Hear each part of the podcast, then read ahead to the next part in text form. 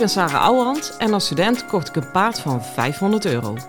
Toen hij 22 was, startte ik hem Grand Prix. Hij had nog nooit aan de teugel gelopen, dus het ging allemaal niet vanzelf. Het enige wat ik zeker wist was: never quit. Ik verslond alles wat ik kon vinden over de biomechanica van ruiter en paard. Dat testte ik net zo lang totdat ik wist wat echt werkte. In deze podcast leer ik jou alles over je rijtechniek, je houding en zit en je mindset. Want ook jij kan naar de Grand Prix gaan, zelfs als je geen miljoenenpaard hebt. Hey lieve paardenmensen, ik zit hier um, onder mijn overkappingje, uitkijkend op de buitenbaan. Hoewel ik echt geen steek zie, want het is uh, even kijken, kwart voor tien zondagavond. En jullie zijn nog aan de beurt. Zoals beloofd, zoals beloofd. Ik heb net uh, gereden, jongens, in mijn eigen binnenbaan. Gewoon op zondagavond. En ik heb gewoon de gang niet geveegd. Ik heb mijn paden laten rollen.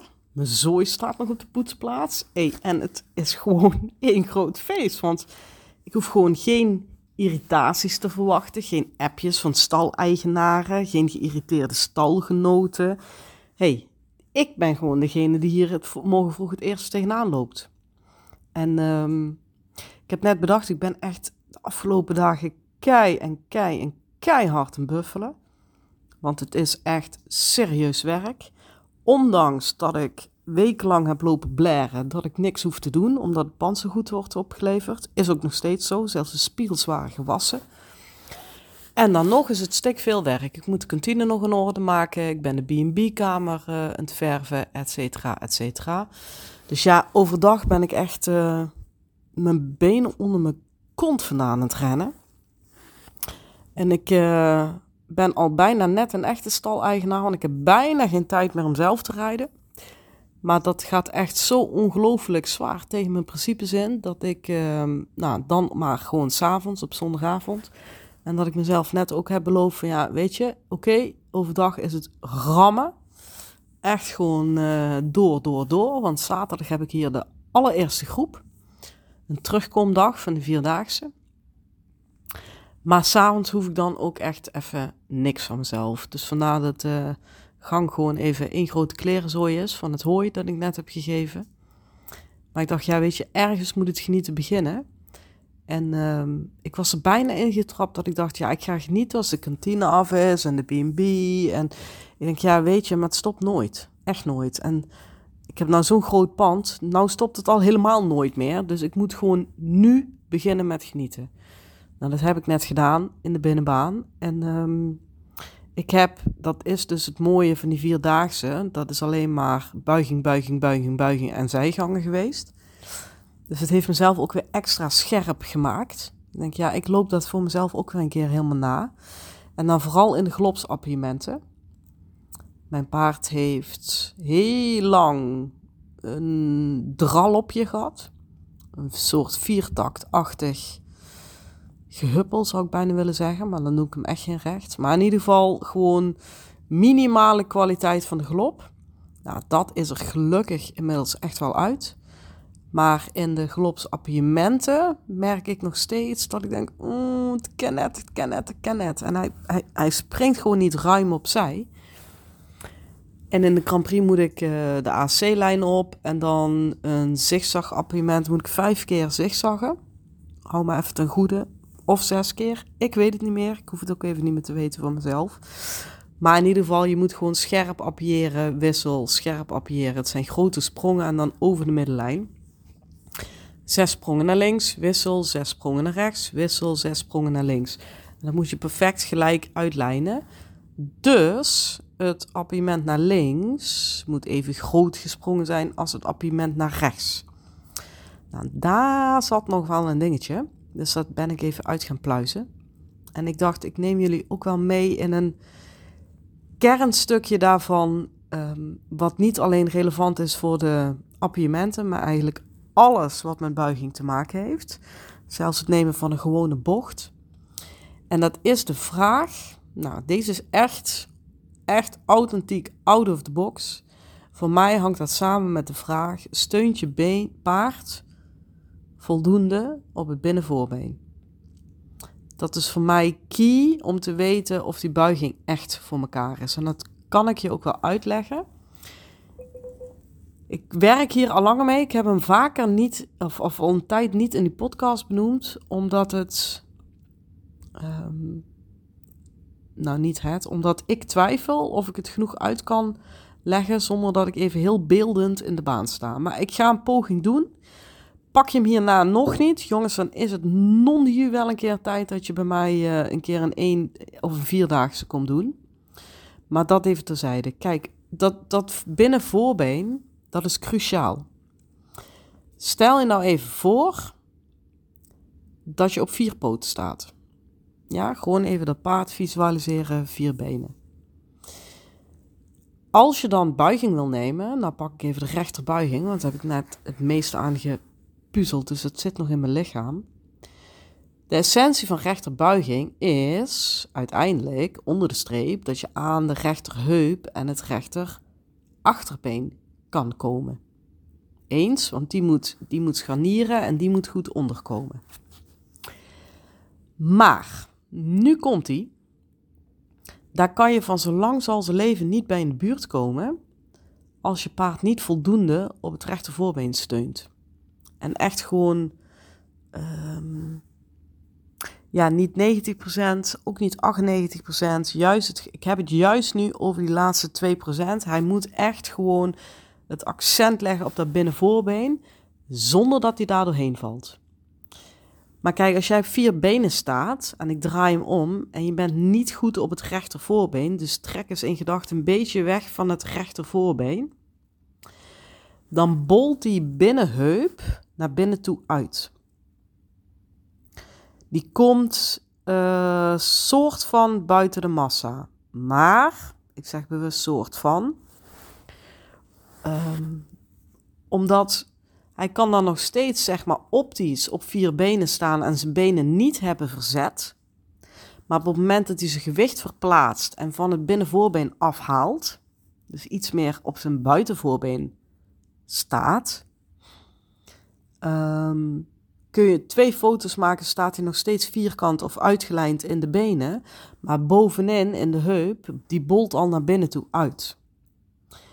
En die is cruciaal, want op het moment dat dat gebeurt, en in een uiterste geval komt die kont dan ook daadwerkelijk naar binnen. Maar dat hoeft niet eens te gebeuren. Hij kan echt een rechte lijn lopen en toch boven in die heup naar binnen toe bollen. Um, op dat moment kan jij niet meer aan die binnen, uh, binnenachterheup en dat binnenachterbeen komen. Omdat die uitleiding van die wervelkolom die kont een beetje naar binnen drukt. Misschien maar 3, 4 procent. Maar te veel om die heup te openen, te kunnen laten zakken en het binnenachterbeen door te kunnen laten komen. En dat heet dan buiging. Snap je?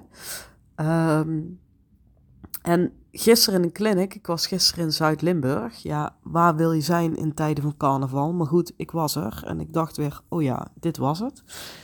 Ik ben daar opgegroeid hoor, dus no offense.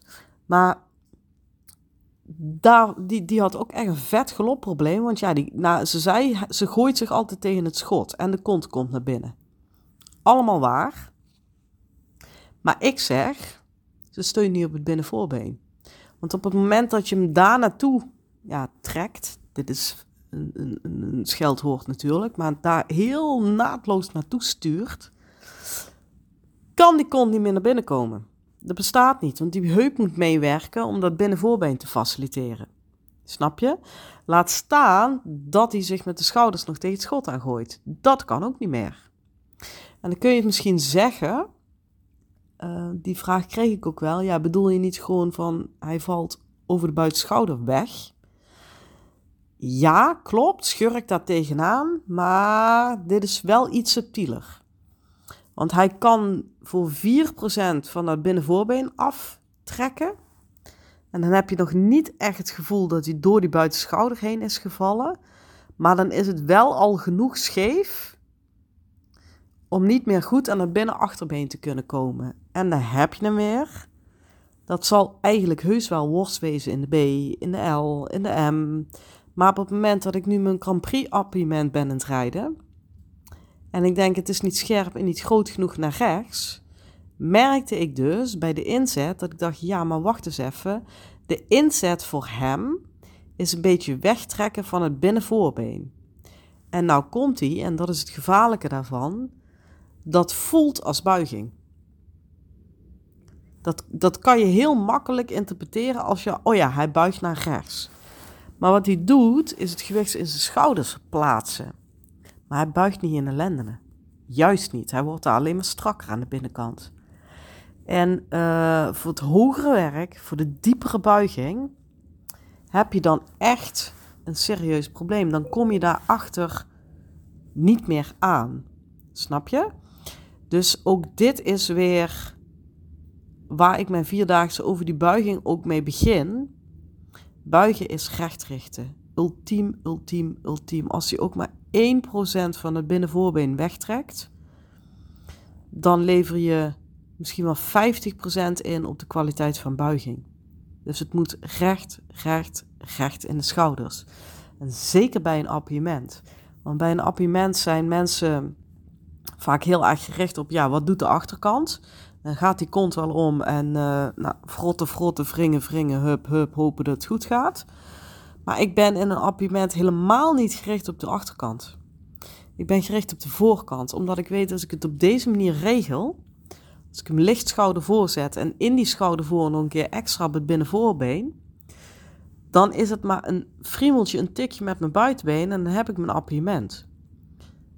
Dat, dat, dat is daarna het moeilijkste niet meer. En dan even heel erg advocaat van de duivel. Je zou dus nu zomaar kunnen zeggen: ja, superleuk, oude hand, maar je werkt van voor naar achter. En dat mag niet. Uh, klopt. Maar in the first place zijn er geen gouden regeltjes. En in de second place werk ik wel degelijk vanuit de achterkant. Alleen um, die voorkant goed hebben is voorwaarde om überhaupt aan die achterkant te kunnen komen. Dus je kunt wel zeggen, ik werk van achter naar voor, dus ik begin bij die kont. Maar je kunt daar wel willen beginnen als je daar niet aan kan komen, omdat die voor scheef trekt. Dan houden het wel een beetje op, hè. Nou, ik heb dat net weer helemaal uitgeplozen. Ik had dat nog niet in mijn uh, gedaan. Dan zie je ook weer hoe lang het duurt voordat je alles overal geïntegreerd hebt bij dat paardrijden. Hè. Dat maakt het natuurlijk ook wel zo fascinerend. En ik durf wel te zeggen, wij hebben echt, echt, echt een flinke slag geslagen daardoor. Gewoon omdat ik continu bezig ben geweest met die uitleiding van die schouders en eigenlijk met contact op dat binnenvoorbeen. Um, het is wat mij betreft de meest gouden tip die ik ooit heb gegeven in deze podcast. Want um, hij is heel tastbaar, hij is heel voelbaar. Ik vind hem toch beter uitlegbaar dan dat ik had gedacht. Normaal ga ik er altijd als een paard voor in de baan staan, doe ik van alles voor wat, wat het effect is enzovoort. En je kunt er echt alle zijgangen mee verbeteren. In ieder geval de buiging, in ieder geval de hoeken. Nou, pluis hier eens even op door en laat mij eens even weten in de comments, alsjeblieft, of dit duidelijk genoeg is. Want daar ben ik wel echt naar op zoek. Ehm, want het kan echt een ongelofelijke gamechanger en zijn. En normaal ben ik hier helemaal lyrisch enthousiast over. Ik merk alleen, ik ben echt een beetje moe. Het is zondagavond. Of zoals het in Brabant zeggen, ik ben helemaal kijkpot. Dus ik, ik breng het een beetje droogjes, misschien wellicht. Maar uh, neem het vooral niet droogjes op. Want dit, dit, dit zou zomaar heel veel voor je kunnen veranderen.